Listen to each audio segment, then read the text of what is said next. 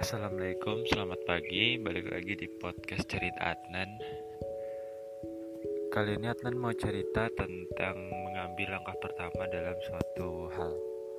Terutama ketika kita sedang dihadapi masalah, terus kita bingung dan ragu, apalagi trauma kan kegagalan yang pernah kita dapatkan dan kita pengen banget mulai lagi. Dan ini seperti siklus ya, kita berani terus takut untuk memulai. Akhirnya kita berani memulai di tengah perjalanan gagal trauma lagi. Mulai lagi. Dan seperti itu siklusnya. Akhir-akhir ini Adnan dilanda banyak banget kegagalan.